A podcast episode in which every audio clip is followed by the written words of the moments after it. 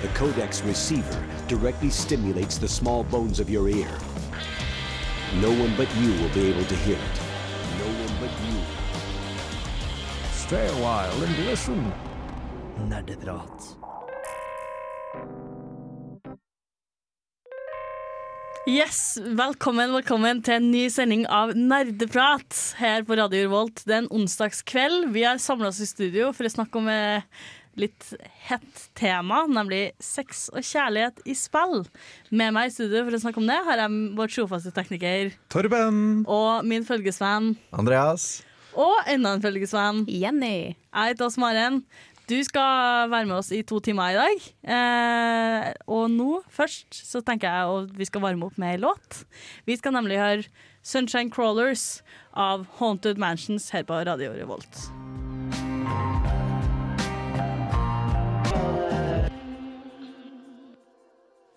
Yes, da er vi tilbake. Du hørte nettopp 'Sunshine Crawler' av Haunted Mansions.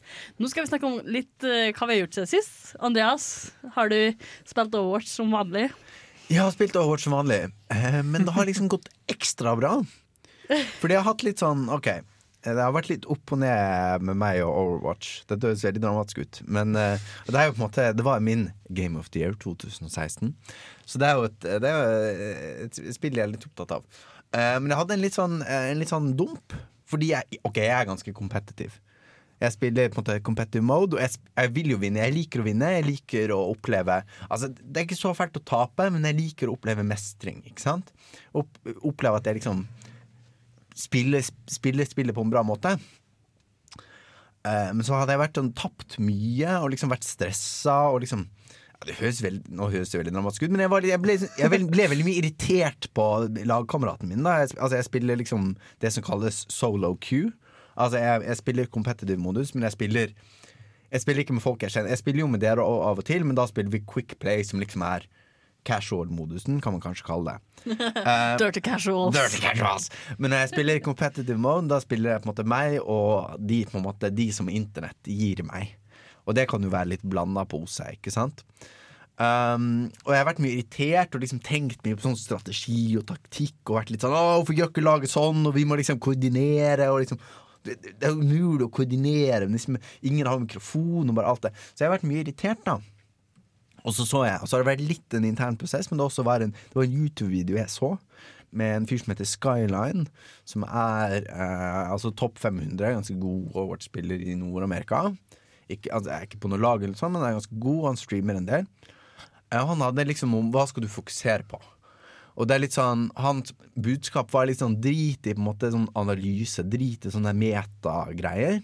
Bare fokuser på Finn deg liksom en knippe helter du syns er bra. Spill dem, fokuser på å bli god med dem. Uh, for jeg hadde liksom vært mye stresset mye om liksom finne okay, hvilken, hva er riktig komposisjon her, videre. Men ok, jeg, liksom, jeg liker Senjata. jeg liker Diva, og jeg spiller av og til Reinhardt. Det er liksom de tre jeg spiller. Så har jeg liksom i det siste vært litt sånn fokus på OK, det eneste jeg kan endre, det eneste jeg kan styre, det er hvordan jeg selv spiller. Så da må jeg liksom fokusere på at jeg forbedrer meg, da, og at jeg på en måte har det gøy med å spille. Og, det, og etter det så har det Altså én ting er at jeg har hatt det mye morsommere, fordi jeg på en måte fokuserte på å liksom ha det gøy og på, og, eh, på den mestringen. Men også eh, har gått eh, Har jeg fått bedre rank. Det er ikke liksom mer enn eh, rank eh, 2000 noe, men liksom jeg hadde en liten dump, og så har jeg gått opp fordi jeg har liksom fokusert på, fokusert på meg. da Så nå er det litt sånn etter jobb, når det er litt sånn ja, Si jeg kommer hjem fra jobb kanskje i sekstiden. Må man lage seg mat. Syvtiden. Litt trøtt, litt sliten. Perfekt å sette seg ned med Overwatch altså, og spille et par runder. Kanskje et par runder for mye. Uh, og gå opp litt rank. Så det har vært min, eh, min, min siste uke. Og det, var, ja, det, det, har, det har vært litt viktig for meg, faktisk. denne å oppdage Gjenoppdage kjærligheten sammen med Overwatch. Ja, fordi jeg opplever, jeg opplever veldig ofte at når jeg da spiller alene, at det varierer ekstremt mye hvem jeg havner med, og det påvirker spillet veldig veldig mye. Man skulle tro at ja, man spiller med, med randoms og ingen er på lag og sånn. Det er forutsatt at ingen er på lag, da. For hvis noen er på lag, så merker man det veldig. Men, men jeg merker det der at um, når jeg spiller bra, så havner jeg med bedre folk. Ja. Av en eller annen- altså, Altså når du spiller, du spiller Quick Play? Nei, når jeg spiller competitive, Ja, ja.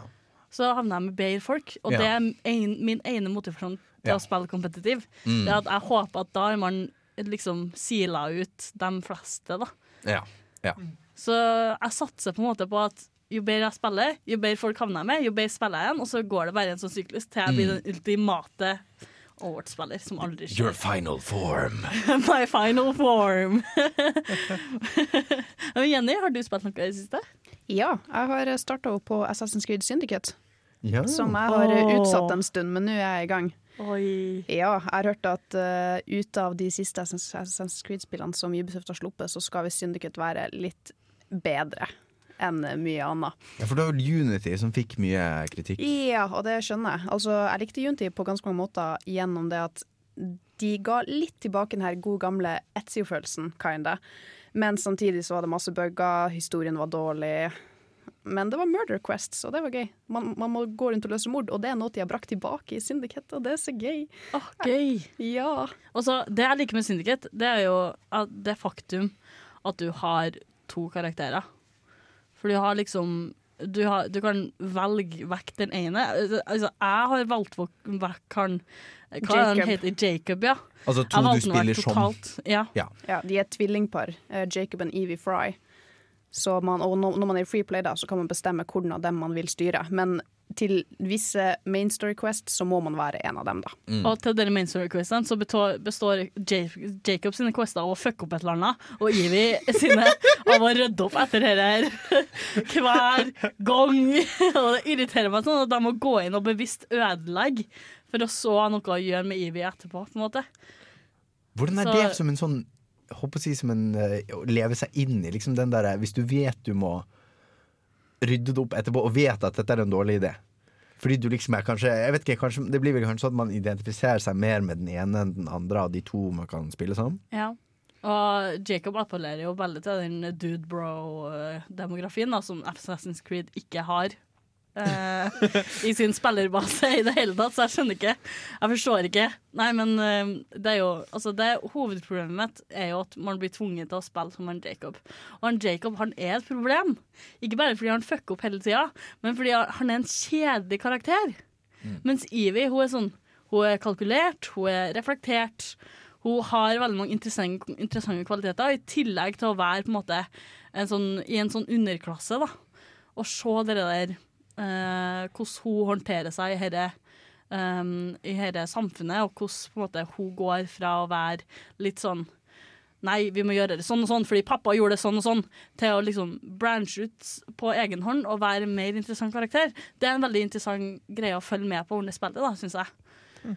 Har, har du kommet langt i spillet, Jenny? Ikke kjempelangt ennå. Jeg har en trend til å gå rundt og bare gjøre masse Templar-utfordringer, fordi det er dritgøy. Jeg kjenner meg igjen i den, ass. Ja, og så bare Oi, ja, nå når jeg går forbi her, så var det et viewpoint rett der. Jeg går og tar det først, jeg. Ja. Oi, og så Oi, der var enda en ting å gjøre. Jeg går og gjør den først, og så blir Mainquest veldig utsatt, da. Ja, hver gang. Nei, men uh, altså, jeg kan snakke litt uh, sånn Dere trenger ikke å spørre meg, for jeg har faktisk spilt noe denne gangen. Jeg har spilt et spill som jeg føler er veldig relevant for temaet, eh, som vi skal ha i dag, nemlig sex og kjærlighet. For jeg har spilt Ladykiller in a Bind, som er et sånn BDSM-transgreie. Hvordan skal jeg beskrive det, egentlig? Det er um... Nei, altså, det er et spill som er veldig konfronterende, hvis du, med mindre du Hvis du er cis og ikke liker BDSM. Så er det veldig sånn in your face, og jeg elsker det. Christine Love, som da er hjernen bak her, her, blant annet dette spillet, da, som er, hun lager veldig mange sånn sexorienterte spill. Sånn alternative spill. Og hun Uh, er jo et geni, jeg vet ikke. Altså, herregud! Uh, Hva gjør du i spillet? det du gjør i spillet, det er en visual novel. Du, har, du poserer som din søster. Eh, og så skal, eller, nei, du poserer som din bror, og så skal du gå rundt på et skip. Det er sånn cruise eller noe sånt, og så skal du liksom forføre dine, hennes klassekamerater, dine søsters klassekamerater. din bror Ja, din Din brors, brors- din brors, du spiller som søster. Ja, fordi du er søstera. Ja. Ja. Dette kan fort bli forvirrende. Her var veldig forvirrende. Men vi har en hel sending, Fordi vi skal jo tross alt snakke om sexy spill, så vi har kanskje en hel sending på å prosessere dette spillet i Ja. dag. ja. Og jeg gleder meg veldig til å gjøre det. Men først nå eh, jeg tenker vi tar oss en pause før vi går over til nyheter. Nå skal vi høre 'Ballad of the Dying Man' av fader John Misty. Her på Nerdeprat på Radio Revolt.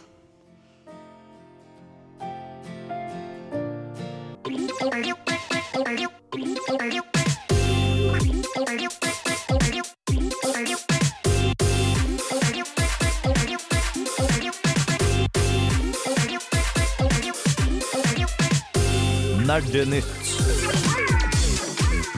Så hva har skjedd i verden siden sist, Andreas? Jo, vi skal høre om eh, hvordan mottakelsen av det nye spillet For Honor har gått. Vi skal høre om en uheldig vits fra eh, Felix Kjellberg, kjent som PewDiePie. Eh, vi skal høre om en, en, eh, en jevn kamp i eh, Telenor-ligaen. Og ikke minst så har vi fått flere, mer info om Zelda Breath of the Wild. Eh, men aller først så vil jeg gjerne vi skulle se på en pressemelding som vi akkurat fikk fra Snow Cannon Games. Eh, for det er en, en norsk utgiver som eh, akkurat kan, nå kan melde at det kommer et nytt spill fra utvikleren Grimnir som heter The Frost Rune. Og jeg tenkte Det er jo litt interessant. Det er ikke så mange norske utgivere. Det er en del norske spillutviklere som er litt sånn indie. Men det er ikke så mange av utgiverne. Ja, fordi Snowcanning Games de laga jo litt bølger med at de var the first dedicated Norwegian publisher ever. Og så eh, skulle de eh, hadde de en lineup med masse spill, og så skulle de liksom gi dem ut da, og liksom gi litt sånn push til litt, kanskje litt mindre norske spill. Litt sånn mer obskure spill, blant annet da The Frost Rune, som er et mobilspill. Men som har klart, nå klart da med forhåpentligvis Snowcannon Games sin hjelp å klatre seg opp til en featured uh, Dere featured-lista Top New Games på AppStore. Ja. Fordi det er akkurat nå kommet ut. Ja. Det har akkurat fått lansert. Ja. Og det er, det er et nå, nå The tables have turned, holdt jeg på å si, for det er jo du som har lest denne, Ja. denne saken.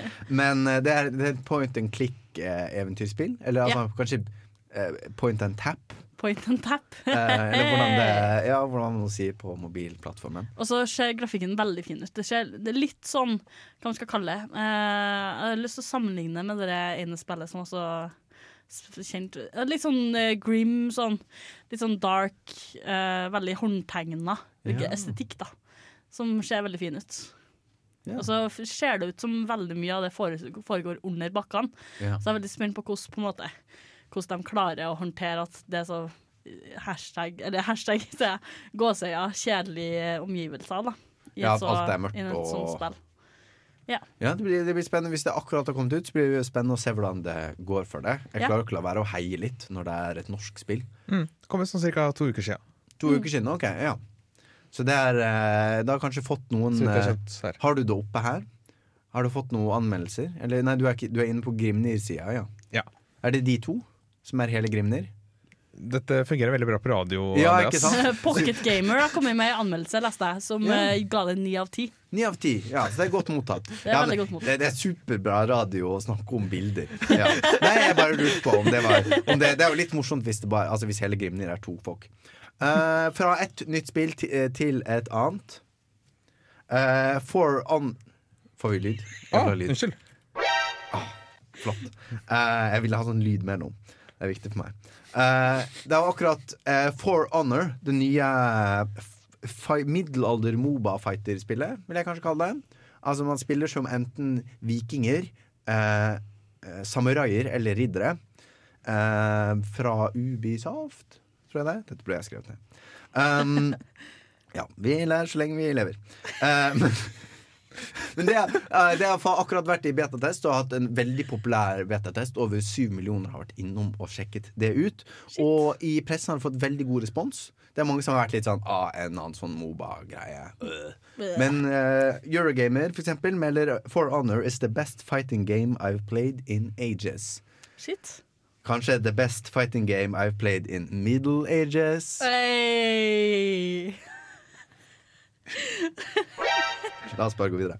Eh, nå er det en, kanskje en litt større sak. Eh, det er kanskje mange som vet om eh, PewDiePie, eller Felix Skjelberg som han heter, han har jo vært litt sånn opp og fram, vært en veldig suksessfull YouTube-streamer og har på en måte blitt mer Skulle du si mer eh, legit. Altså han en avtale Har en egen avtale med YouTube om å lage sånne serier som de selger, og også en avtale med Disney.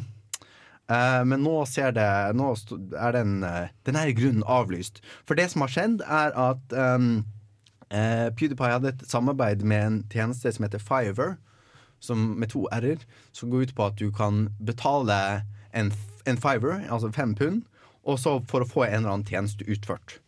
Det PewDiePie tenkte var et morsomt påfunn, var å betale to indiske menn for å holde opp et skilt og filme det. Og på skiltet så sto det 'Death to all Jews'. Uh, det Altså, det synes han var morsomt. Og Ja, det illustrerer Um, og han sa han, han, han reagerte altså i det, Han filmet seg selv som reagerte på å motta videoene. Og var litt sånn 'Å, trodde ikke de skulle gjøre det. Men han har lastet opp videoen likevel, da. Uh, så han, på en måte, han hadde jo en sjanse til å undo it, men det syns ikke Disney. Det ble for mye for Disney, eh, så de har da avlyst avtalen de hadde, kontrakten de hadde med han. Og så PewDiePie avbrutt andre sesong av serien Scare PewDiePie. shit. Men uh, ja, vi får se om PewDiePie tenker Ok, nå som jeg har så stor suksess, så må jeg kanskje kutte ned på nazistvitsene. Eller kanskje ikke. Altså, man kan undre altså, han her, det er Sånn som jeg ser det, så betalte han fem pund for å ødelegge hele karrieren sin. Ja, det, det, er det som er det rare. career, det, det liksom. rare er jo at jeg tror ikke engang det kommer å ødelegge karrieren hans. Det er veldig, jeg tror veldig mange av han fansene syns dette er ganske hilarious. Ja, uh, og syns ja. det er morsomt. Jeg vet ikke, Han på en måte Han distanserer seg litt fra de store på en måte, altså Disney og sånn. Han kan ikke liksom gjøre så mange kontrakter. Men jeg tror mye av grasroten syns dette er litt morsomt. At han er litt sånn fuck the police og er litt sånn opprørsk. da Ja, altså han eh, PewDiePie i hvert fall for noen år siden, han var jo veldig populær med det her med ja, voldtektsvitser og jødevitser osv. Så, videre. så jeg, tror, jeg tror nok fanbasen hans vil holde seg uansett, for de er vant med det. Og jeg leste en, en, eh, en tekst skrevet av eh, Stormfront, som da er en sånn nazistgruppe, som mente at det PewDiePie er viktig, for det er en del av å normalisere nazismen som en del av kulturen.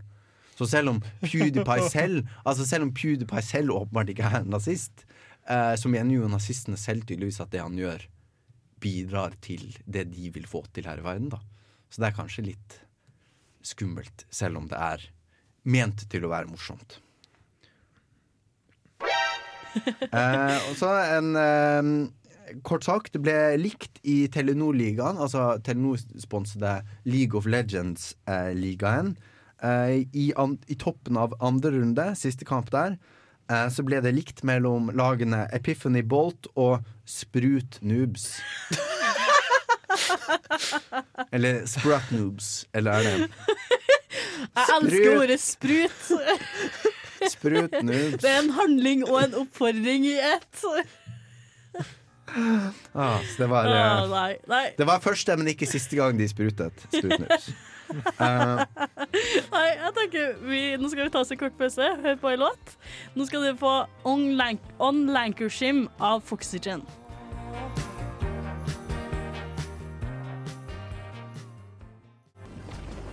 Incoming! Du hører på Nerdeprat!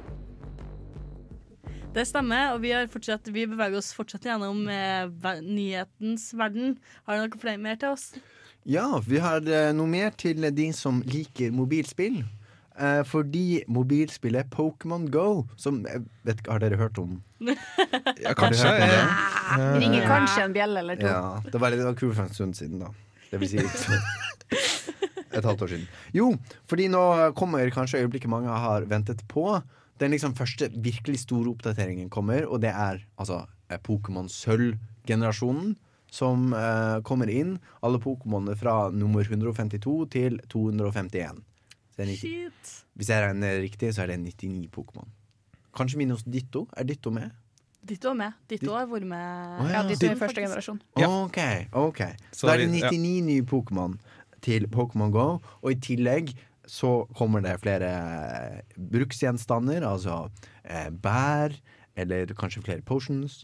Eh, og ikke minst sånne um, evolusjonsgjenstander. Sånne Skulle du ha sånn eh, lightning stone og sånt? Ja, sånn steiner. Som gjør, som gjør at Pokémonen din kan utvikle seg til Det er noen som trenger det for å bli til en spesifikk.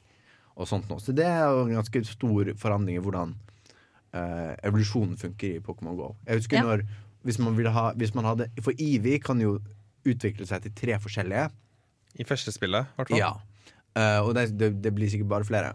Og hvis du ville ha én spesifikt, for Vaporeon var den beste, og da, da ville man ha Vaporeon, liksom, da måtte man gi et spesifikt navn til Ivien før man tok evolusjon, hvis man skulle velge. Så det var liksom en triks, da. Uh, men nå kan du gjøre med en sånn Waterstone, eller sikkert. Og det er, jo, det er jo kjempenyheter for dem som har masse Vaporeon eller masse Jolteon og har lyst på en Flamion, Mm. for eksempel. Flareon. Flareon! For det kan du bruke på en allerede utviklet uh, Flareon. Ja. Ikke, i van- ikke vanlige spillene. Er det annerledes i Pokémon GO? Hva det? Det, fordi, ja, det er jo det som er spørsmålet. Vi vet jo ikke alt ennå, fordi at det er noen Nei. som har gravd i filer og sånn og funnet. Og Mm. Ah. Eh, så vi vet ikke helt hvordan det blir implementert, Nei. men de kommer. Ja, de kommer. Og de har, altså, den offisielle Pokémon Go-sida har lagt ut en video der de har liksom andre generasjons Pokémon i spillet, så du ser på en måte at de kommer. Det er ganske offisielt. Men Mm. hvordan ting fungerer og sånn i praksis, er jo en ting som gjenstår å se. da. Eh, alle her Pokémonene kommer ut i løpet av hele vekka, vel? Det høres Mm. riktig ut. Men er det bare meg, eller, burde, det- er, det, eller er dette et halvt år for seint? Ja, det, det er spennende å se. Jeg vet ikke om, det er kanskje, men det er kanskje et hardkjerne igjen, da, og det er vel den hardkjernen som uansett bruker penger på spillet. Så kanskje det går bra med Pokémon likevel. Det gjenstår å se. Tror jeg. Ja, for jeg tror at, at hvis det hadde kommet for et halvt år siden, så hadde det vært for mye på én gang. Mm. Eh, kunne jeg tenkt meg at kanskje det kunne kommet for tre måneder siden? Ja. Altså Problemet med Pokémon GO med utgivelsen Det var jo det at det virka som et halvferdig spill. Straks man hadde gjort Altså straks man hadde vært ute og gått litt, fanga noen Pokémon, klekka noen egg, så oppdaga man egentlig hvor jævlig lite igjen det var å gjøre. Mm. Så problemet er ikke det at det har vært mangel på Pokémon, problemet er at det har vært mangel på ting å gjøre. Mangel på action. Mangel på et slags mål. Kan du ha trenerkamper mot uh, venner? Nei. Nei. Nei. Mm. Så det er bare gym battles fortsatt. Men var det ikke kamper mot venner og bytting og sånt, som var det viktigste i Pokémon? Ja, det, det er det Ja, som er greia med Pokémon. Ja. Så Ja, de, legger ikke de legger jo ikke til det mest requesta uh, featurene, da. Nei. Gjør de ikke. Nei, så kanskje det blir en skuffelse. Vi får se. Noe annet som kanskje blir en skuffelse? Segway. Segway. Um, vi har fått mer informasjon om Zelda Breath of the Wild, som er det nye Zelda-spillet som kommer med lanseringen av eh, Nintendo Switch. Er ikke det release-spill? Jo. Jo. Riktig. Så og det det- kommer også ut på VU. Ja. Eh, fordi nå har Nintendo eh, avslørt at det kommer en sesong, et sesongpass til eh, Zelda Breath of the Wild. Um, så det er altså for eh, 18 euro så får du to pakker med nedlesbar eh, innhold. I den første pakken, som kommer ikke så lenge etter eh, slipp, så er det utfordringsbrett og sånn eh, vanskelig modus, for den er ikke inkludert i grunnspillet, hvis du vil spille på høy vanskelighetsgrad. Nei. Uh, og i vinter så kommer det mer historie til spillet, og en ny dungeon. Uh, og det er vel det folk egentlig vil ha, ikke sånn uh, trail battle-greier, men mer historie. Fordi jeg er ikke noen Zelda-mann, men det er vel historien sånn som er greia med Zelda. Ja, altså- dungeonsene og sånn. Altså, jeg syns dette særlig vanskelig modus kunne ha vært en free update, egentlig. Og det hadde passa bedre med det jeg har sett fra Nintendo før. da. Mm. Så er det egentlig litt overraskende at de må begynne med season pass og bake inn sånne spesielt vanskelige modus da, i en DLC, i stedet for å gi det ut gratis i en update. Ja. Det er kanskje press fra liksom Hva skal vi si eh, pengefolka som er litt sånn Vi trenger å tjene. Vi går, går, det, går vel ikke, det har vel gått litt sånn opp og ned med Nintendo. Det gikk liksom masse opp med Pokémon, og så leste investoren at å ja, det er ikke Nintendo som eier hele Pokémon. Ja ja, det visste ikke de. Så det gikk litt ned igjen. Og så har det vært litt sånn opp uh, humpty-dumpty. Kan jeg få lov til ja. Nei, Jeg, ja, jeg reagerte litt på Season Pass. Det er ikke det det er, egentlig. Det er Expansion Pass, kaller de det. Å ja. Ah, Ja, forskjell. bekla- beklager. Det Det er, det er Jeg legger meg flat. Det er et overtråkk. Ja. Nei da, men uh, tingen er at det er ikke sånn at du skal betale et, eller kjøpe dette på forhånd og for å få det sånt. Det det er snakk om DLC. Men at du kan Eller Men du Jo, det er, på, det, det er på season pass, men det er ikke sånn at DLC DLC-en blir dyrere i etterkant, så vidt jeg skjønner. Nei, men jeg tror du må kjøpe alt. Du kan ikke si Ja. 'jeg vil bare ha pakke to'. Det er en uh, alt eller ingenting-pakke. Mm, mm. Men du kan velge å kjøpe eller ikke kjøpe den pakken, og så blir deler av pakken Du kan vel kjøpe den fra dag én, Mm. men uh, deler av pakkens innhold blir kjøpet ut Så det er ikke så i løpet av året. Så det skiller seg ikke så mye fra Season Pass, men jeg føler ikke at det er sånn at de prøver å lokke dette på folk. Du får, du får kunne kjøpt det når det spillet er lansert, ifølge pressemeldingen. Mm. Ja, uh, jeg tenker at det er ikke så dyrt, da. Kanskje 200 kroner ish. Nei, da må de seasonpassene vi har sett, ha kostet like mye som spillet. Ja. For jeg tenker Det som er litt dumt med Season Pass, er når de prøver å få deg til å kjøpe Season Pass før, du har, før denne DLC-en har kommet ut, Ja. og før du kan vurdere om den faktisk har vært pengene. Ja. Litt sånn som det samme problemet som du har med pre-orders. Mm. Hvor eh, pre-orders eh, er noe du, de prøver å få deg til å bruke penger før du kan vite at eh, spillet eventuelt ikke er verdt pengene dine. Men jeg tenker Nintendo unngår det ved at du kan velge å avvente og ikke kjøpe dette, dette denne, hva skal jeg si, hva heter det, expansion pass før alt er sluppet ut, og så kan du velge å kjøpe det da eller ikke. Ja. ja, fordi med season pass er jo litt den trusselen at hvis du ikke kjøper det på forhånd, så blir det dyrt. Ja. Så da må, du, da må du liksom Og hvis du skal kjøpe hver for seg, så blir det også mye dyrere. Så det er liksom trusselen de bruker, da. ja så det blir, det blir på en måte en Nintendo-twist på, på det vi kaller season, et season pass. Så det blir artig å se. Noe annet som blir artig å se, er hvordan dere svarer på ukas spørsmål, som kommer etter neste låt. Nå skal vi nemlig høre Sleep Drifter av King Gizzard and The Lizard Wizard her på Radio Revolt.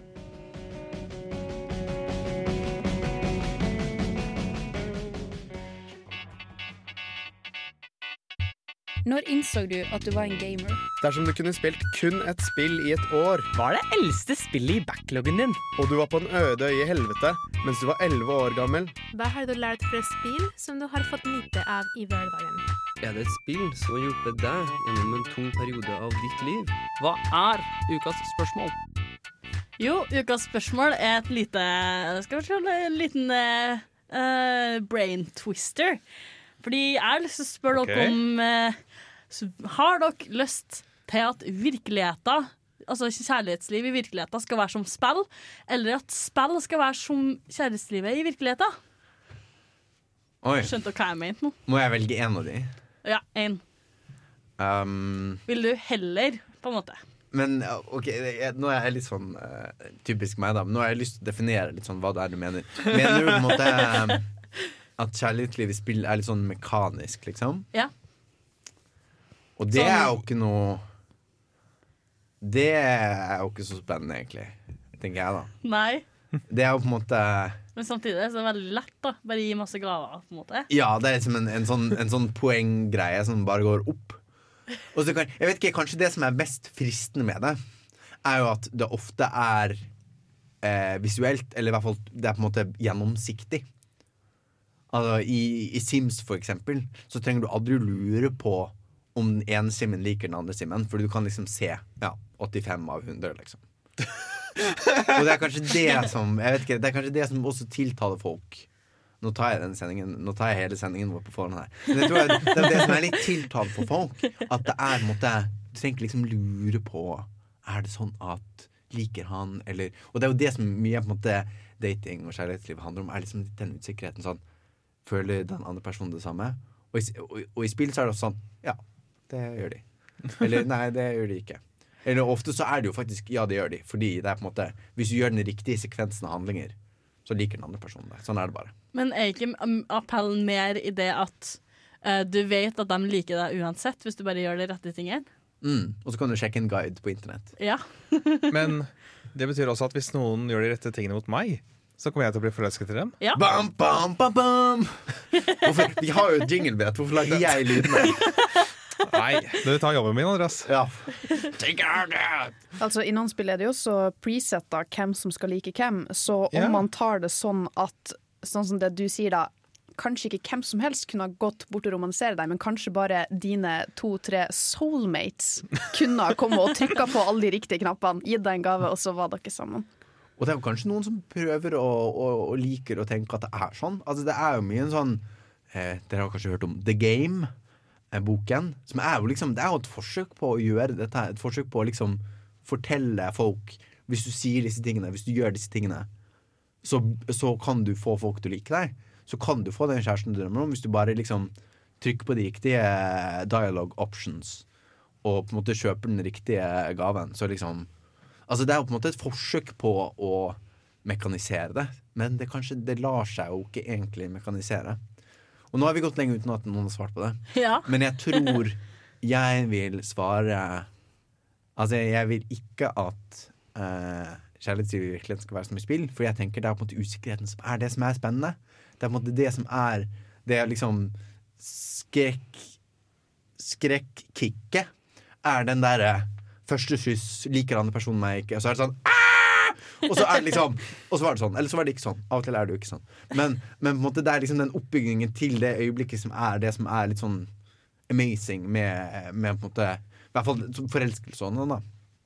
Uh, og jeg vil heller at spillet skal fange mer av den følelsen. At spillet skal klare å tenke så ut Altså Kjærlighet i film er jo på en måte kan være veldig engrossing. Tenk så engrossing hvis man kan være en del av den prosessen i et spill. Det hadde vært spennende. Mm. Jeg, eh, jeg bruker litt av den samme argumentasjonen. At jeg tror jeg går for eh, at kjærestelivet i spill blir mer likt i virkeligheten. Slett fordi alternativet ville vært eh, litt skremmende. Både med tanke på, ja, med tanke på egen fri vilje.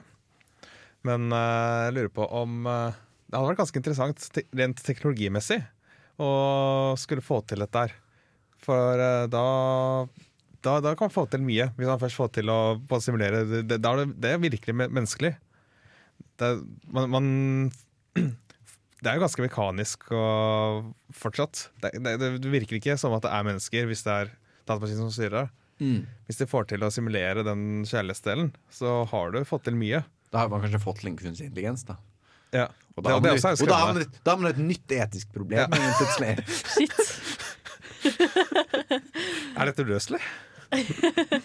Ja, men jeg tror jeg er ganske enig med dere. Jeg tror jeg går for at jeg vil at spill skal reflektere mer av den ja, Ikke bare sånn Ikke bare pga. usikkerheten eller teknologien, men at det skal At vi push At de som lager spill og de som lager mekanikerne, pushes litt, da.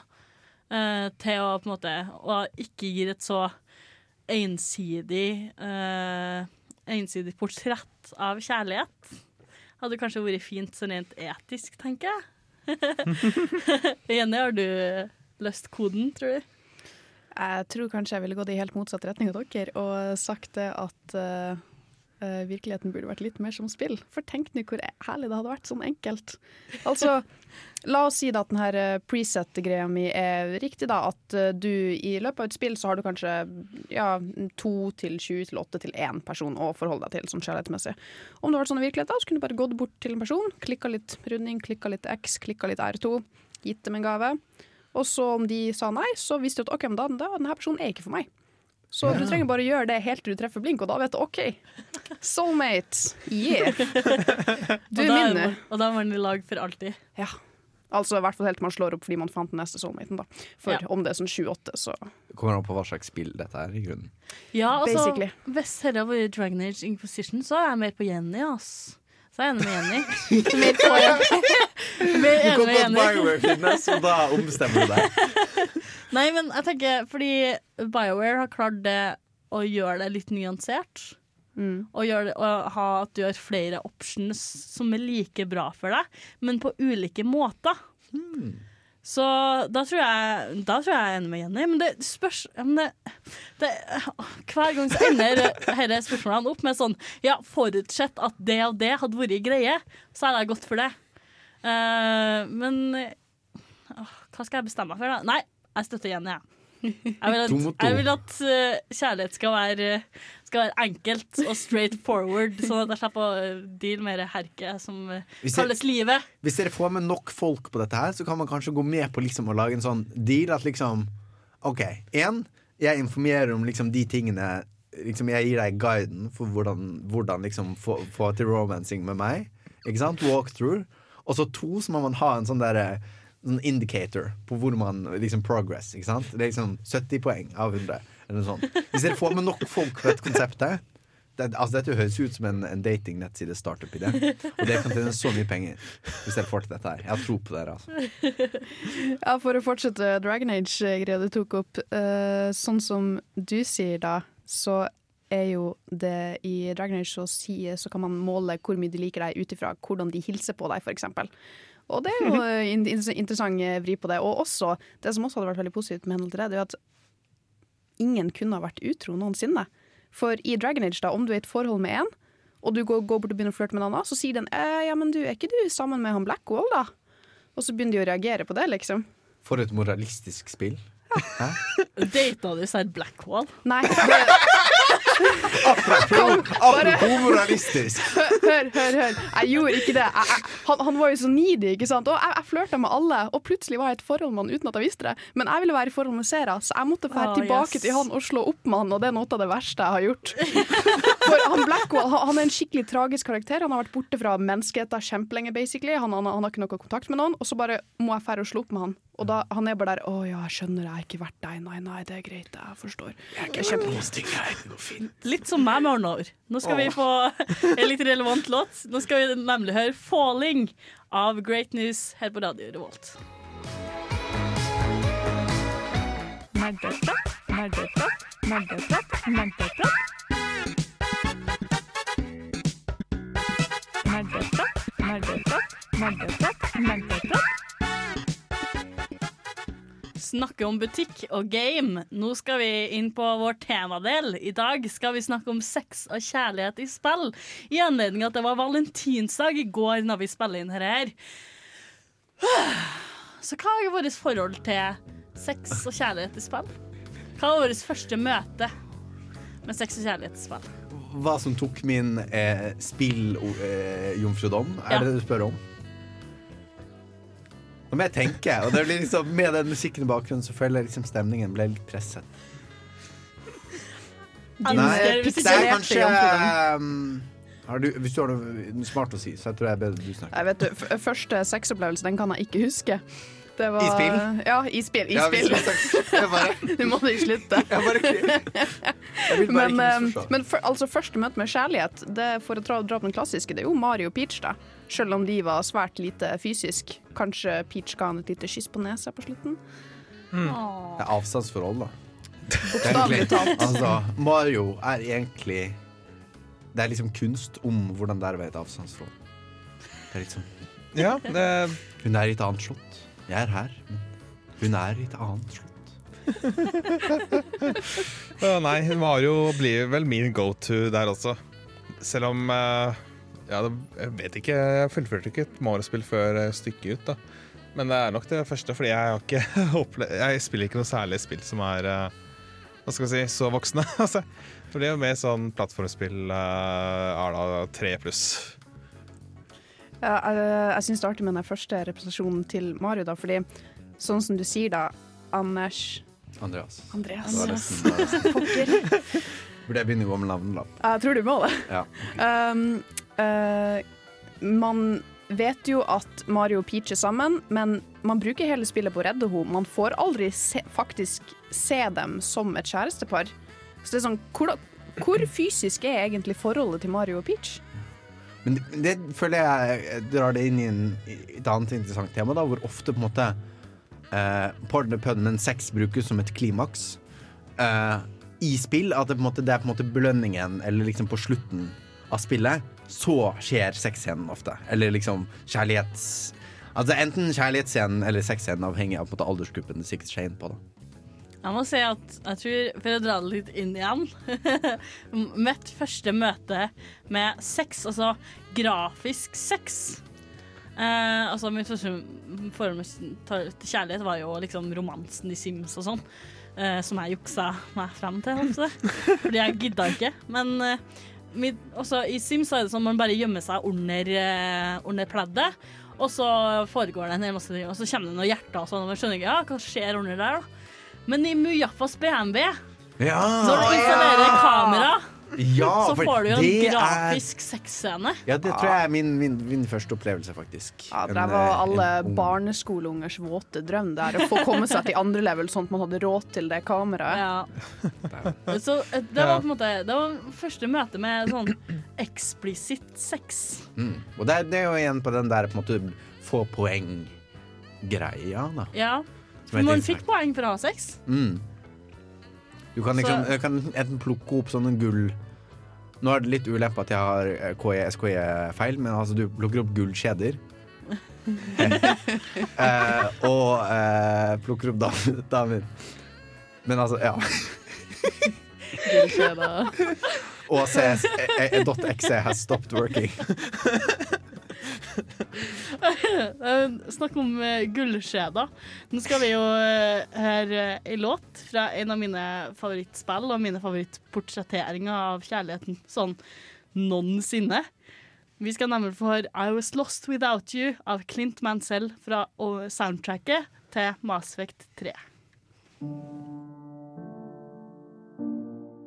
Yes, der hører du I Was Lost Without You fra Mass Effect 3 og SD, altså Official Soundtrack. Og nå skal vi snakke litt om hvordan spill utformer kjærlighet. Hva er de spesifikke, konkrete mekanikkene som fører, eller eh, som kjærlighet involveres i, da. Og da tenker jeg Det klassiske eksempelet der er jo eh, Sims, da, der det bare snakker og flørter og flørter og flørter. flørter, flørter. Mm, og tar litt variasjoner, sånn at det ikke blir for kjedelig i noen av spillene. Til du da oppnår full eh, kjærlighetsbar og kan gifte deg og sånn. Mm. Ja, det er ofte sånn liksom, når du er på ett level, så kan du snakke med noen, og så må du liksom snakke med dem ti ganger til du får nok poeng. Og da kan du klemme dem. Så klemmer du bare klem, klem, klem, klem, klem, klem, klem. Husker liksom man liksom man køer opp i Sims, sant? så kan man lage Mm. sånn kø av handlinger. Sånn klem, klem, klem, klem, klem, klem, klem. Og så liksom flørt, flørt, flørt, flørt, flørt, flørt, flørt, flørt, flørt. Og så kyss, kyss, kyss. Og det er liksom, ja, det er sånn, eh, sånn man oppnår kjærlighet, da. Er ikke det basically bare en vanlig natt ute på byen, da? Men kan du liksom klem, og så ta ett skritt tilbake. Og så, ny klem. Og så. Ja, du skritt er så tilbake. pen ut. Du er så pen ut. Du er så pen ut. Å, hushibulibala. Hushibulibala. ja, men hva, hva eh, Finnes det noen ar- andre på en måte arketypiske kjærlighetsmekanikker i spill, annet enn Sims? BioWare tar jo mer en sånn narrativ uh, vinkling, da. At måte historien i spillene har en måte en, en ting etterfølger en annen. Og så er det jo på en måte valg du kan ta. Altså Du kan jo ta valg som eksempel skal du skyte han eller skal du ikke skyte han, men du kan også ta valg om hvem du skal snakke med og hva du sier til dem. Så liksom det følger en venstre til høyre eh, hva skal du si tidstolkning, da. Og så på en måte hva du sier til folk på riktig tidspunkt, det kan på en måte gjøre at du beveger deg framover i forholdet mens historien går. Så da følger på en måte relasjonen mellom den din utkårede da, og historien følger liksom samme narrative kurve. Ja, for de, man blir jo tvunget til å eh, avansere den uh, hovedhistorien for å fortsette med kjærlighetshistorien. Ja. Man kan ikke kun holde på med én av delene, eller man kan holde på med kun uh, main-greia, men da mister man jo en del endgame content, da, som Ja. er veldig, i Bioware sitt tilfelle, veldig rørende. Ja. Uh, I Witcher 3 så er det jo også sånn, og der er jo kjærligheten ganske interessant, da, fordi i all hovedsak så har man to forskjellige jenter mann, som Geralt skal velge mellom. Og ja, må prøve å unngå å komme med store spoilers her, men uh, du skal velge mellom to forskjellige jenter, og Geralt han har en historie med begge to, da. Og det er jo ganske kult. Og her, her er det ikke om å gjøre å si noe riktig eller feil til noen av dem, for du kan få én av dem, men du kan kun få én av dem. Og det er litt vanskelig å velge. Men du er, du er på en måte garantert. Det er ikke sånn at på en måte, hvis du ikke har gjort de riktige tingene i løpet av historien, så blir, så blir det singel Geralt, liksom. Det er her spoilerne kommer inn. Uh, du, du kan ikke si noe feil til noen av dem. Nei. Det, jeg, jeg kan si såpass mye, men du kan fucke det til. Okay. Bokstavelig talt, du kan fucke det til. Altså så mye i Du, Ja, okay. Du- du- du trenger ikke få Det var det- forklart, det var- Det var det jeg lurte på. Det var det jeg lurte på. Trenger ikke Ja. Mm, mm, Så da har vi på en måte det narrativet og det, det Sims-aktige. Finnes det noen flere typer? Mm, Nei, det blir, det blir på en måte de to sånn- hovedvariantene. Da. En Ja. en sånn mekanisk sånn liksom poeng eller en eller annen. Altså, det kan jo, man kan jo skjule den eh, på en måte scoren, men det er på en måte noe som er liksom eh, Litt sånn sandbox, da, kan du nesten si. Altså, og så har du på en måte den som følger en eller annen historie. Ja. Og det tenker jeg på en måte er de to som det, jo, det vil jo variere, du kan kanskje dele det i subkategorier, for det vil jo variere hvis du har en historie om Det er sånn at det er én person, og det liksom er noe som skjer i løpet av historien uansett. Jeg har ikke spilt Uncharted, men det kan jeg se for meg, for det er ikke et sånt spill hvor du velger. Nei. Det er liksom et spill hvor Nathan Drake har en eller annen romantisk interesse, og det skjer. Det er på en måte den delen av historien. Som du på en måte Du spiller deg gjennom historien, og du styrer Nathan Drake idet han skyter folk, men du styrer ikke Nathan Drake idet han flørter eller sånt. Så da er det på en måte Da er det bare noe som skjer liksom som en del av narrativet. Ja. Eller du kan ha et narrativ hvor du velger, sånn som BioWare. Ja. Så da har vi på en måte brutt ned de to hovedkategoriene, og da tenker jeg at det er rom for å gå inn og utforske litt i dem. Gullskjede. Nå skal vi Nå skal vi snakke om noen som jeg, som jeg håper, eller ikke håper, men jeg tror har en gullskjede. Vi skal nemlig få høre noe fra Parappa the Rapper. Nå skal vi høre Funny Love av Masaya Matsura. Forskning påviser at ti av ti italienske rørleggere blir tilfredsstilt av nerdeprat på Radio Revolt.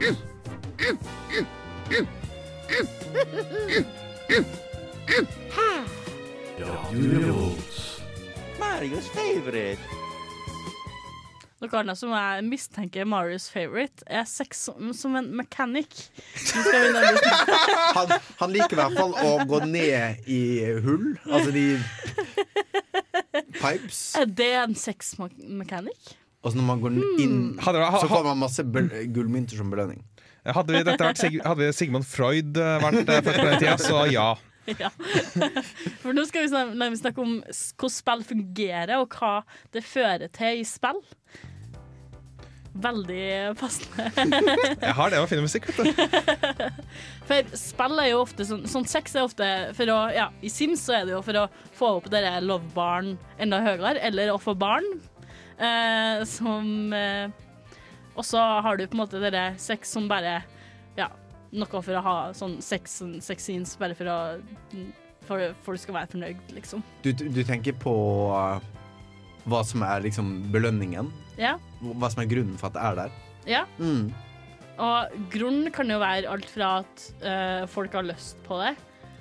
For eksempel i pornospill så er det jo en integral del av hvordan det er. Det er liksom underholdningsverdien i Ja. spillet er egentlig Ja, ligger i sexscenene, Ja. og hvor kreativ de er. Og så har du mer sånn Ja, som faktisk har en plottvirkning på ting. Eller som bare er integral til plottet. Altså kjærlighetsplottet. Skjønner du hva jeg mener? Ja, altså på en måte i, i, i BioWare-spillene for eksempel, så får du ikke liksom Du får ikke 5% extra damage eh, hvis du eh, får eh, elskovsscenen med den og den personen. Det er bare fordi det er en del av historien Ja. Som du har lyst til å oppleve. Mens i et annet spill så hadde det kanskje vært Jeg mener, eh, hvis jeg husker riktig, Persona 4-spillene Der var det sånn Det var med vennskap, da, men hvis, hvis du var gode venner med folk, så ga det at de ble flinkere i combat. Så det var liksom en måte å Ok, fordi Persona 4 har liksom to deler. Du har én del som er eh, dungeon crawling, hvor du slåss mot monstre, og én del som er liksom high school-drama. Ja. Og det er på en måte broen mellom de, da. Så det du, det du sikter til der, er Nei, men jeg begynte å tenke på Jeg tror kanskje det er en mod.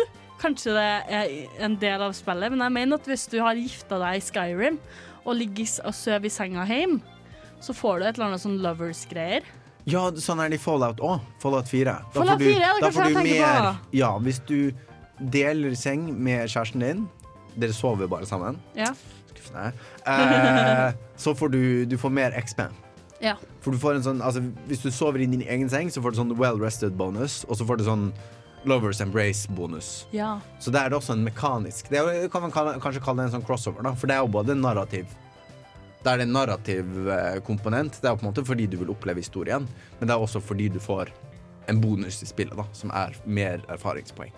Jeg vet ikke om det at jeg blander Skyrim og Fallout 4 er mer sånn sier veldig mye om meg, eller sier veldig mye om spillene. Det, det sier mest om spillene, faktisk. Ja. Det er på en måte Dessverre. Det er, det er på en måte på samme måte som Ubisoft liksom har Ubisoft sandbox-sjangeren, så er jo Bedesta I hvert fall de moderne Bede- altså Oblivion utover, vil jeg si liksom det er Bedesta-spillene, liksom.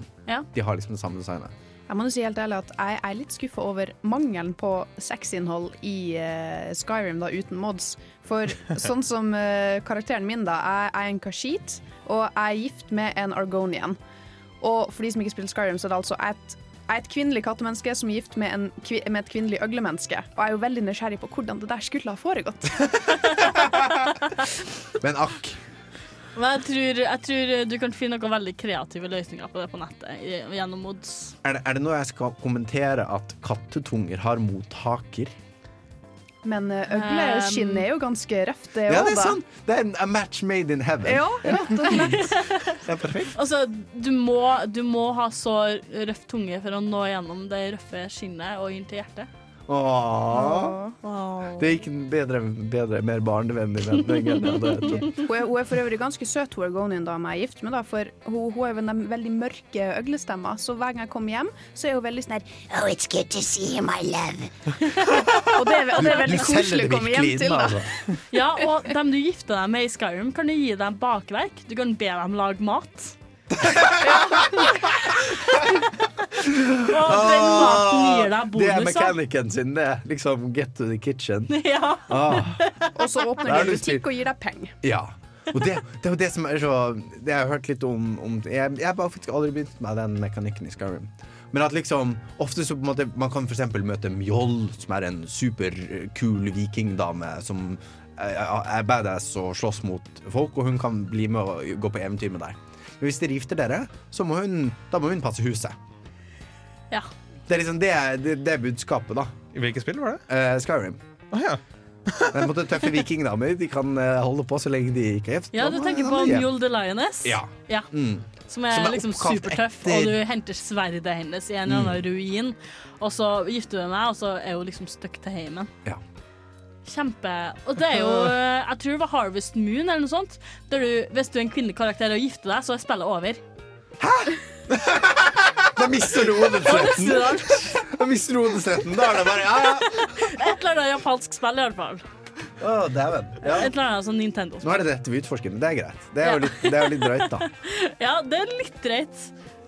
Ja, for, for å bare dra det i en helt annen retning, da. eh, sånn i det her med sex som en mechanic, så kan man jo dra inn God of War-spillene. For det er spesielt i God of War 3 så har man en eh, litt interessant sexscene med hun guden Afrodite. For der går man bare bort til henne, og så blir liksom en, ja, OK, ja, greit, vi kan pule, liksom. Og så snur kameraet til sida, ser på to av hennes nakne konkubiner, et eller annet, mens man må trykke på riktig knappekombinasjon for å tilfredsstille Afrodite. Om man gjør det feil, så blir du misfornøyd. Om man gjør det riktig, så ser man da de her to folkene på sida som mener Å, gjør han det? Å, skal han gjøre det? Og det er ganske liksom. interessant mechanic, da. Ja, for nå, nå tenkte jeg vi skal snakke litt om litt mer sånn interessante mekanikker etter eh, en låt som kan kanskje tolkes litt seksuelt, I guess. Uh, vi skal nemlig høre Dive fra Pokémon Ruby Sapphire Emerald av Insane in the Rain Music. Dive Jeg skjønner ikke. Du hører på Radio Revolt, studentradioen i Trondheim. Og fra den eh, dykketuren så tar vi jo et eh, dypdykk inn i Kickstarter for Ja, hva var pornospill? Hva det heter Dørum? Ja, jeg skal bare posisjonere meg her. Sånn. Eh, fordi, altså, ja, for vi har snakket litt om Hva skal du si sex som en del av de vanlige spillene. Altså BioWare-spillene, uh, kjærlighet som en del av Mario-spillene. Altså, det er jo store spillene. Men på en måte parallelt med dette så har det jo på internett lenge vært en sånn, hva skal du si, en subkultur av spill, mye laget i flash, rundt måte, mer sånn grafisk sex, da. Gjerne liksom story og sånne ting. Visuell, uh, visual novels med sexscener i. Uh, men ofte så har disse vært litt sånn Det har vanskelig, vært vanskelig å finne investorer. Det har liksom vært litt sånn uglesett. Man har kanskje Jeg har liksom så, så en post sånn Uh, People that make flash porn games. What do you write on your resume? Og det er litt sånn Hvordan skal du måtte, Du kan være, liksom, være en av verdens beste Flash-pornospillmakere, men hvordan skal du liksom selge deg inn? Ikke sant? Og er det sånn Ja, hva er din bakgrunn? Nei, jeg lagde dette tentakel-pornospillet. Liksom, hmm, veldig mange treff på, um, på Newgrounds. Newgrounds var en del av dette. Så det har lenge vært vanskelig å finne funding. ikke sant? Men nå har, når vi søkte på Kickstarter for Poor Games, så kom det mange ting opp. Men kanskje den eh, mest lovende er fra Nutaku. Eh, en side som heter Kimochi Red Light. Nå skal jeg nå åpne den siden på en, på en, på en datamaskin. og prøver jeg å Dere kan ikke se dette, så jeg prøver å liksom gi God radio. det, det, det laster. Eh, det var en treig datamaskin å se, så nå ser jeg bare på at det laster. Der. Oi, Den skrur på foran, vet du. Ja, ikke sant. Dette er spennende. Nå er det live. Dette er live. Men OK. Eh, mens eh, Kimochi Red Light Altså Litt av greien er å bruke en kickstarter. Altså Du trenger ikke en stor publisher hvis fundingen kommer rett fra folkene som er interessert i dette. Ja. Så jeg tenkte vi kunne ta en liten titt på hvilke spill som blir funda og sånne ting. Så her er det Hva, hva, hva er det for, hva, hva som folk støtter? hva er det folk støtter? Og her på første siden så er det et par Det er eh, tre spill som har fått de pengene det spør om. For eksempel Echo Tokyo Phoenix. Som Eh, handler om Dette er Det ser ut som det er uh, se. Eh, Det er en visual novel, så det er mer sånn av de klassiske, da. Uh, med på en måte Sånn historiefortelling og Historiefortelling. Du snakker med folk og Du spiller som en kvinne, Shizume Misaki. Um, og du oppdager at du har magiske krefter, og så er det mange andre figurer i spillet som du kan snakke med og kanskje bli kjæreste med. Så de har veldig mange andre characters. Jeg vet ikke hvor mange av de du kan bli uh, kjæreste med. Uh, og her på siden så kan vi se liksom uh, Det er mye basert på det visuelle, da, og vi viser hvordan det ser ut, og karakterdesign. For det har mye Altså, det er åpenbart måte både settingen og på en måte hvordan det ser ut, har mye å si i denne sjangeren. Det, de, de spurte om 2000 dollar, så det er ganske lite i kickstarter-sammenheng, men kanskje Ja. mye penger for denne typen spill. Altså, jeg tenker Poenget her er vel at det finnes Det begynner nå å komme en scene for at de som er litt sånn indie-utviklere innen, innen, innen, det, innen pornospill, da, kan, finne kan bli crowdfunda. Fordi det er jo en litt sånn, det er jo litt sånn tabu ennå, for det første spillet som hadde total nakenhet, på, kom jo på Steam for ikke så veldig lenge siden. Mm. Kindred Spirits on the Roof. Ja, og det er en, Som er for øvrig et nydelig spill. Ja, det har ikke jeg fått spilt ennå, men det er en, det er en altså, jury, altså kjærlighet mellom to jenter. Ja. Visual novel-spill. Så det handler om to kindred spirits on the roof. Da. Det er veldig, helt nydelig. Så det, det var nok det som var grunnen til at jeg hadde slått på Steam. Men vi ser da at kanskje blir det mer akseptert sånn going forward. Mm. Det, det synes jeg er interessant Det er å se hvor mye av pengene som kommer fra et få, fåtall antall mennesker. Her kommer halvparten kommer fra fem folk. Så det er også en, et aspekt ved dette, denne sjangeren. Ja, og vi skal utforske litt eh, mer om det communityet som eksisterer rundt det. Eh, etter at vi har hørt Star Watcher, som er Marius et theme fra Stardew Valley av Concerned Ape.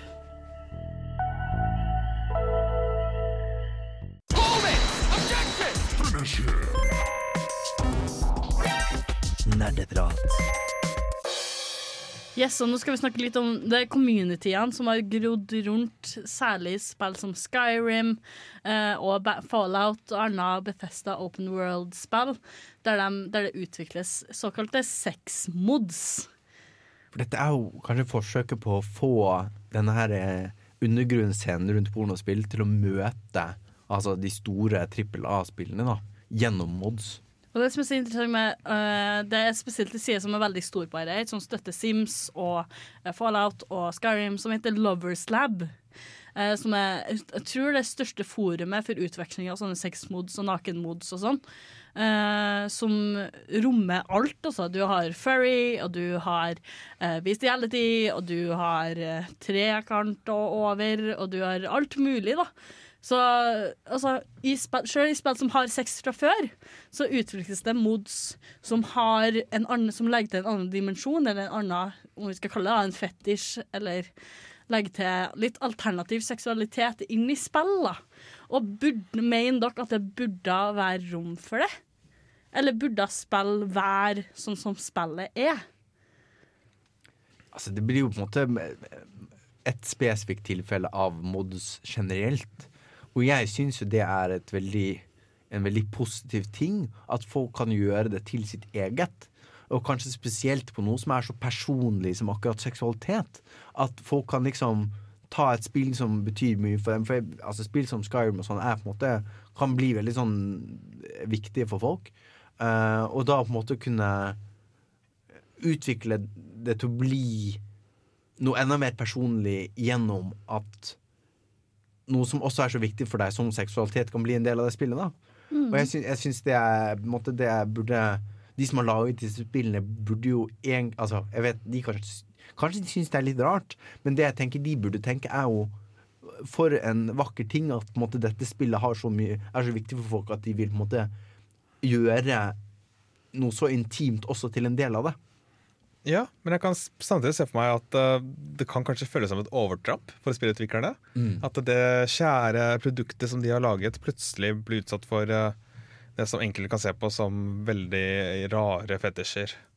Veldig uh, merkelige ting som man kanskje ikke har lyst til å identifisere seg med. Da. Ja, kanskje Mm. spesielt hvis man ikke er så godt kjent med det, så er det liksom, kan det være litt sånn sjokkerende. For eksempel, jeg kan se for meg at Nintendo ville gått ganske hardt ut mot uh, et eller annet uh, sexmod i Super Mario uh, Galaxy. Ja, og det er også en del av dette er på en måte eh, kanskje frykten fra spillutviklerne å bli holdt ansvarlig for hva som skjer.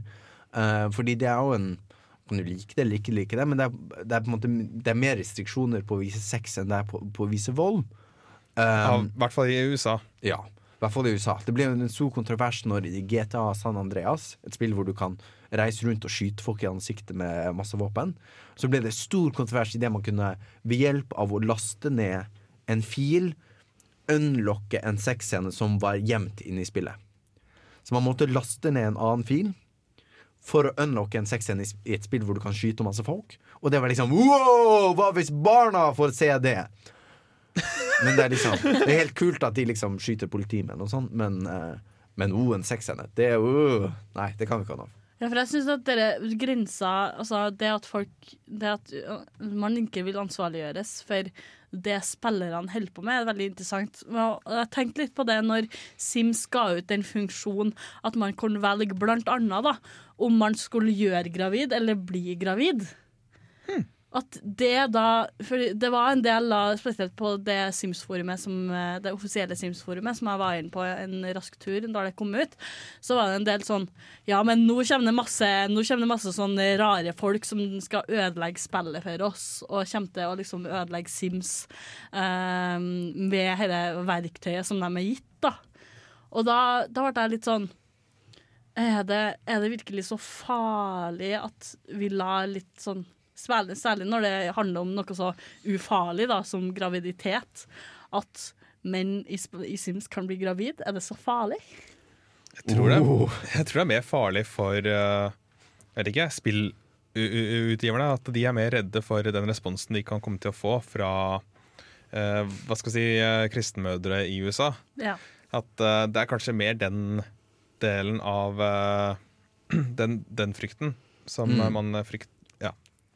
Men jeg syns det er fascinerende da når eh, Det er kanskje til dels uskyldige antakelser, men det er jo på en måte antakelser som ofte er litt konservative fra de som lager spill, som da blir en sånn hardkodet del av dette spillet. ikke sant? Selvfølgelig er på en måte det, altså for, for, kanskje en del år siden så var det kanskje mange som tenkte ja ja, jenter og gutter kan bli kjærester. Da putter vi det, skriver vi det inn i koden. ikke sant? Jenter og gutter de kan bli kjærester. Det, det tar man og liksom definerer sant? hardt, uh, ufravikelig. Og det er på en måte, det er ikke sikkert noen har ment det ondt, men det blir sånne antakelser som blir en del av, av spillet. da. Jeg bare lurer på en ting. Eh, Fallout 4 og jeg fikk, jeg vet ikke om Skyrim også fikk det, men på konsoll så fikk de mod-støtte. Mm. Men eh, jeg kan mener å skal ha hørt at eh, disse nude mods og den type, at det ikke slapp inn, eller? Ja, det må vel merkes, må det. Ok. Eh, og Men, må... men, men Sony og, de, og Microsoft tillot at uh, man kunne laste ned imot? Ja, det er jeg litt usikker på, for jeg spiller verken Fallout eller Skyrim på konsoll. Så jeg er litt usikker på om det faktisk er rom for sånn voksenmods, da, som det kalles på konsoll.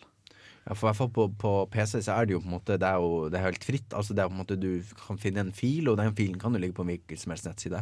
Mens på konsoll så er det jo en, på en måte en plattform og et, et, en, en måte en, eh, som, en side som eh, Bethesda og spillutviklerne styrer. da Så de har jo i hvert fall De har i hvert fall makten til å på en måte si hva som kan være der, og hva som ikke kan være der. På en helt annen måte enn på PC, hvor man på en måte styrer det mer selv. da Og jeg tenkte, Det er jo et community som har blomstra rundt sånn masse spill, men særlig det Sims syns jeg er interessant i forkant av dere eh, gravid, graviditetsgreiene. Er blant annet at tenåringer kan bli gravid. En veldig populær mod til blant annet Sims 2 og 3. Og Mm. det er jo veldig kontroversielt. Det er veldig kontroversielt. Og at de kan stikke fra hjemmefra og sånn, det er jo, det er jo inni spillet. Men at de kan bli gravid, det er på en måte Det lot de ikke være der, fordi de syntes det var for kontroversielt. Men det er jo en del av livet, da. Det ja, det er jo en del av livet. Men kanskje dessverre, eller heldigvis. Ja. Eller, det spørs litt hvordan du ser på det. Ja. Men når det kommer til sånn communities, så er jeg veldig fascinert over eh, og Hva var det jeg tenkte på nå? Um, veldig fascinert over det communityet som blomstra, eller da som oppsto eh, rundt eh, Mass Effect. Fordi i det første Mass Effect-spillet så er det meninga at det var en mannlig karakter som skulle romances av en annen mannlig hovedkarakter. Men de fjerna det fra spillet, og man kan finne det i koden og sånn. Kan, man- finne eh, blant annet voice lines som eksplisitt refererer til en male shepherd. da. Shepherd er hovedkarakteren i Mass Effect-spillene. Eh, men det ble fjernet fra spillet, og så ble det tatt tilbake igjen med mods. Og så ble den, det ble så overveldende, den responsen og den requesten ble så overveldende for BioWare at de la det til et senere spill. At den karakteren kan bli romansa av en mannlig karakter. Så det, det snakker på en måte ko- kraften av et community. da. Mm. Og jeg lurer litt på om spill kommer til å bøye seg under fra presset fra disse litt alternative greiene. Tror dere det? Jeg tror det går i den retningen, altså. altså man, jeg så en, en interessant post på Reddit som jeg kan prøve å se, hvor det var en som pitchet liksom Sims som en slags fortelling om hvordan dette har utviklet seg. Altså I første Sims så, det, så kunne jenter og gutter de kunne være kjærester. Ingen, ingen annen. Måte, det var den eneste muligheten. Og mot i Sims 2 og mot Sims 3 så har det på en måte bare blitt mer og mer åpent. Og mer og mer eh, valg, valgfrihet. Og som du sier, måte, nå i slutten så har de på en måte sagt det er ditt valg. Måte, hva slags klær Altså hvilket eh, kjønn simmen din er, og hvilke klær de går med. Det er opp til deg. Det, det kan du velge sånn som du vil. Eh, om de tisser stående eller sittende, det er opp til deg. Det er på en måte at man åpner mer og mer, da, fordi man innser kanskje Man innser at det er på en måte en verdifull eh, verdifull kundebase, og kanskje ting man ikke visste. Ikke? Man visste ikke at dette var noe folk ville ha, man visste ikke at dette var, var trengt. Men fordi internett gjør at det er så mye lettere å ha en dialog gående, så blir det en del av spillene. Ja. Men uh, nå havner vi i en veldig sånn uh, djup grop som jeg har tenkt å grave oss litt ut av. Litt ut i det åpne frie. For etter neste låt så skal vi snakke litt om våre favoritt-pairings i spill. Våre favorittkjærlighetsforhold. Og før det så skal vi høre en låt fra Tales of Symphonia, Dawn of the New World-soundtracket, som heter så mye som Eternal Promise, Hena Motoi Sakuraba.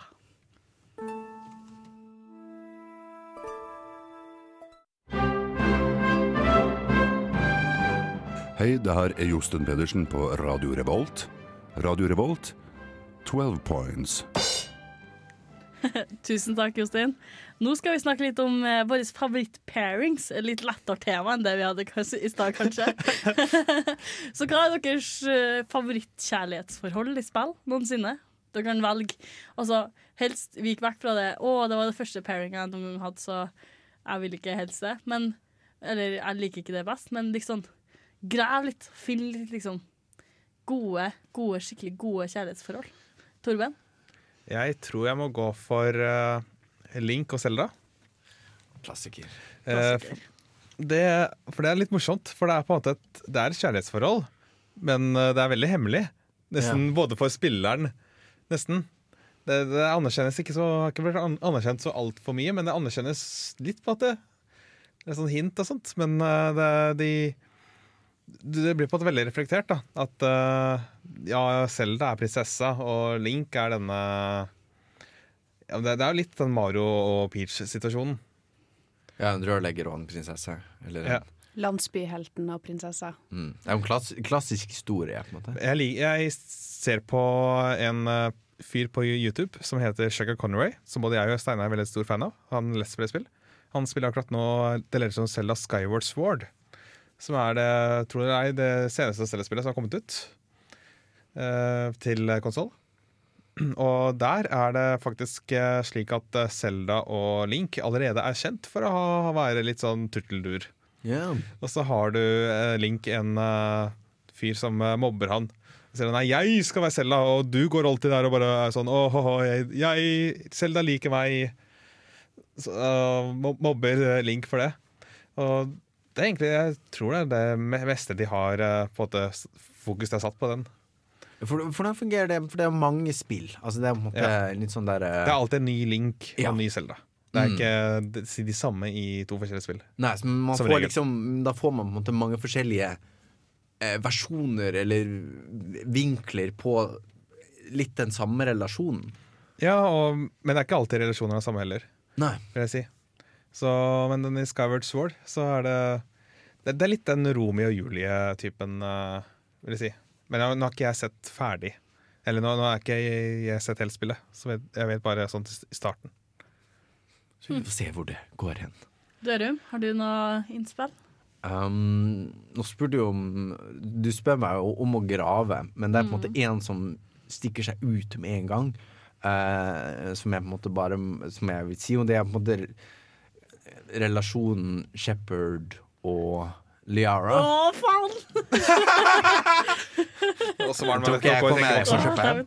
Um, og det var spesielt virkningsfullt. For, altså, for det er jo, men det er jo da mellom protagonisten i, som du spiller som i Mass Effect-spillene, og en følgesvenn. Eh, hun er en romarkeolog. Eh, hun er en Hva er det det heter? Eh, De heter Asari. Asari, ja. Mm. Som er på en måte det um, Ja, litt sånn blue sexy alien. Space kun babe. kvinner. Mm. Uh, hele rasen er kun kvinnerasen i Mass Effect. Ja. Um, og det er på en måte det som gjør den relasjonen så kraftig for meg, er på en måte at den, den får så mye punch av at den har vært så en del av livet mitt over tid. Altså Hvis du ser en film, så er det to timer, og så er du på en måte Du er liksom dypt inne i den relasjonen i to timer, og så kan det påvirke deg, og så er du liksom ferdig med det. Men dette var sånn Altså En ting er alle de timene som man har brukt på å spille et spill. Sant? Man spiller jo spill i timevis. Mange, mange, mange, mange timer. Og noe annet er på en måte at den har, det har vært i livet mitt i mange år. Sant? For jeg spilte Mass Effect 1, og så gikk det en stund, og så kom Mass Effect 2, og så gikk det en stund, og så kom Mass Effect 3. Og da har på en måte denne relasjonen mellom Shepherd og Liara har på en måte vært en del av livet mitt kjempelenge. Så den har på en måte fått den har på en måte fått så mye mer impact fordi den har vært så mye større i tid uh, enn en, på en måte noe annet kulturelt verk. Altså Jeg har aldri brukt én som kan måle seg kanskje å lese en, måte, en sånn fantasy-kloss som er 1000 sider og 50 bøker. Ikke sant? Men, men da er du ikke, du er ikke så inni det som et spill, for det er så inni det over så lang tid at det kan på en måte ikke Mass Effect er vil jeg si er unikt i kulturell sammenheng. I moderent volum. Det er så stort, og du bruker så mye tid på det, og du investerer så mye følelser i det, at det, det er ingenting som det er, det, er få ting som kan måle seg med det av kulturelle opplevelser jeg har hatt. da Og etter siste Mass Effect så var det liksom eh, Da var jeg en sånn er det alt-periode, sant? For du er litt sånn ah, 'Jeg må ha mer Mass Effect selv om spillet er ferdig', og liksom lese alt som er på internett, og liksom er masse på forum og sånn. Og det er på en måte bare jeg hadde en slags At jeg hadde en fysisk, eh, fysisk emosjonell reaksjon på Leara. Fordi den relasjonen hadde vært så stor over tid. Så da må jeg på en måte si den, selv om du ville Det, det var på en måte det første jeg kom på. Det var det første og det beste jeg kom på. Ja. Enn du da, Jenny? Jo, eh, jeg tror jeg må gå for uh, Geralt og Jennifer i Witcher-serien. Rett og slett da fordi um, hun Jennifer hun er en uh, heks, magiker Ja, ikke på meg. jeg kunne sett bilder. ja, nei, men hun, hun er i hvert fall en, eh, en magisk person som jeg ikke husker ordet på akkurat nå. Trollmann? Trollkvinne? Eh, Nei. Jeg husker ikke det riktige ordet. Uansett, da. Hun er, hun er, hun er Alkemi? Nei. Hun er, hun, hun er en sånn en, da. Og Geralt and witcher, så begge to er steril, for eksempel. Og begge to er litt sånn hard på yttersida. Hun Jennifer hun er basically en super badass bitch som løser alt på uetiske måter. Og uh, har Geralt rundt lillefingeren sin gjennom hele greia, selv om han kanskje ikke vil innrømme det sjøl. Og i storyen på spill, da, så man når man går inn i spillet, så hater man først Jennifer litt, fordi hun virker som en sånn bitch. Men så etter hvert da, så ser man litt den myke sida med henne, og så plutselig har man sex på en utstoppa enhjørning, og så plutselig er man bare forelska i henne, da. Man, under kjærlighetsscenen deres så er hun så øm og myk, og bare ja, nei, jeg tenkte jo at det alltid skulle bli oss to, da. Og det er rett og slett veldig vakkert. Ja. Har du kommet på en ny etter at eh, Andreas eh, tok uh, Liane, var det det? Nei, Yara, nei, altså- stjal Yara fra deg. Ja, fordi det er en relasjon jeg kan se for meg som For i i verden generelt så er det jo Spock og Kirk. Og, men i spill så er det Det var et eller annet med Liara som gjorde at jeg bare Hun er min sånn Hvis jeg skulle ha valgt en waifu Sånn ut av alle spillfigurene i hele eksistensen en hadde det vært spillfigur på en menneskestørrelse pute, for eksempel. For eksempel. Nei, men jeg tenker vi går over eh, Nå begynner vi å nærme oss eh, slutten her. Først skal vi høre litt på Sutekidane. Jeg vet ikke hvordan det uttales, men på engelsk heter den Isn't That Wonderful av Nobuo Uematsu fra Final Fantasy 10. Yes, det var Suteki Dane fra Final Fantasy 10-remasteren av Nobuo Uematsu. Og nå har vi kommet til slutten i dag. Vi har jo snakka litt om eh, mods og pornospill og kickstarters, og så har vi tatt for oss nyhetene. Herregud, hva Vi har jo gått gjennom eh, Vi har virkelig eh, gravd oss ned et høl, og opp igjen og ut. Og inn og ut. Helt fra Mujafas BMW til uh, Mass Effect 3. Ja. Nydelig. For alt henger sammen, sant? Men i studio i dag så har vi vært Torben. Andreas. Jenny. Og Maren. Jeg håper dere har en fantastisk eh, kveld videre, og så håper jeg vi ses neste uke når vi skal snakke om live-rollespill.